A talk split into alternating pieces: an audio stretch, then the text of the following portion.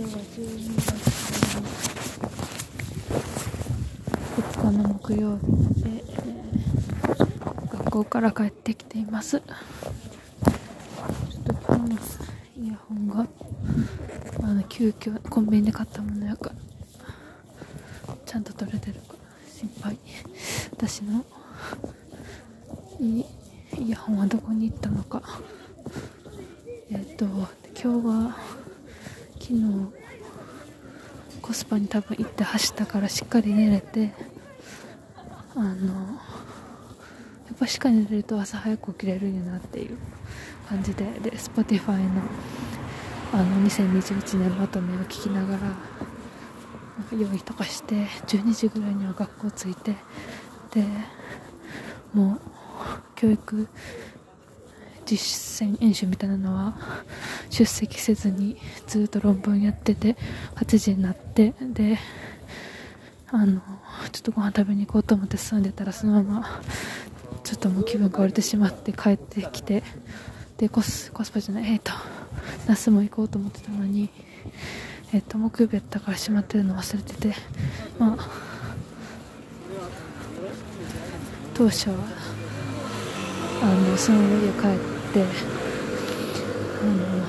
お部屋あったかくして外の続きやってもいいと思ってたからそっちのえっとそっちの、えー、予定に変更。で、えー、感じで行こうと思います。で今日昼ご飯はえっとインドのカレー感覚コート園の近くのインドのインドカレーとか食べてなんかまあ美味しいけど高いし、安いねんけど他の国とかに比べたらあんだけ食べさせてもらって安いねんけど。でもけどだからもう一回はいかんというかうん。まあ、そんなめちゃめちゃ美味しいだけでもなくってまああのそれは感覚に行ってご飯食べてもそう思ったかもしれないけどなんかそんな感じで。でもお腹には多分結構溜まったから夜まであのお腹減ることなく頑張れたんかなっていうのは思ってて。で帰りはおにぎりと 目玉玉ゆで卵か。買って200円ぐらいですぐで帰ってきました。えっと昨日はあの大変な一日であの車のどかの病院に お迎えに行きに車を出したり、まあ、そのことをやってたからこう気も張ってたやろうし、まあ、当本人が一番疲れてたやろうけども、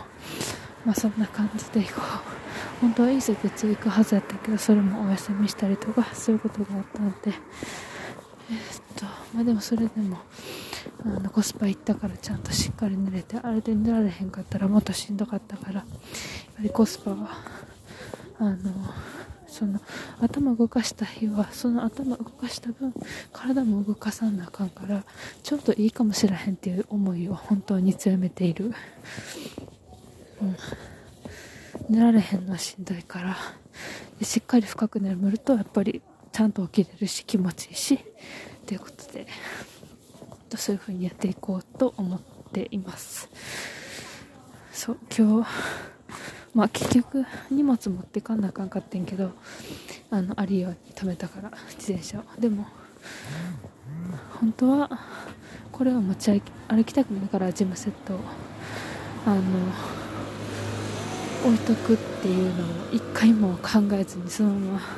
今日はこの荷物を持ち歩いてしまってちょっと損した気分というか。えー、でもそれは多分軽くできたからやろうなと。あの荷物もリュックサック軽くして手元の紙袋に本いっぱい入れてで肩からもう1個かけてるその自分の用意が入った袋はまあまあそんなに重くないように軽量化しててっていう多分それの賜物やろうなって。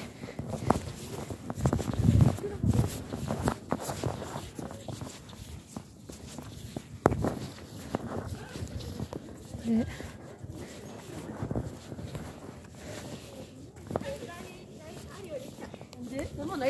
ぱり12月になったのでちょっと卒論が焦るというか、まあ、でもこのまま、えっと、この勢いになって、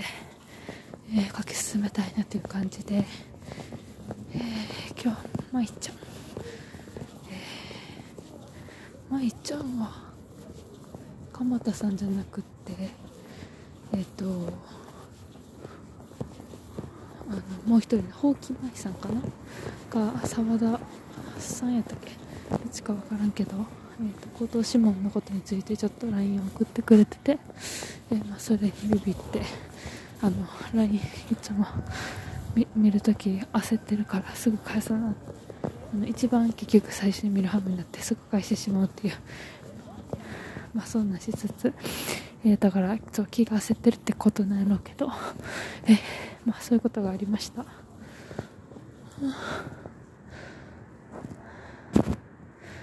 なんか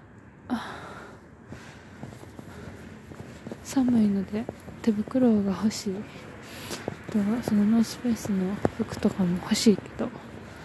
お金なーって感じで。ご飯に最近お金を使ってるのでうん、まあ、節約したいなって感じです。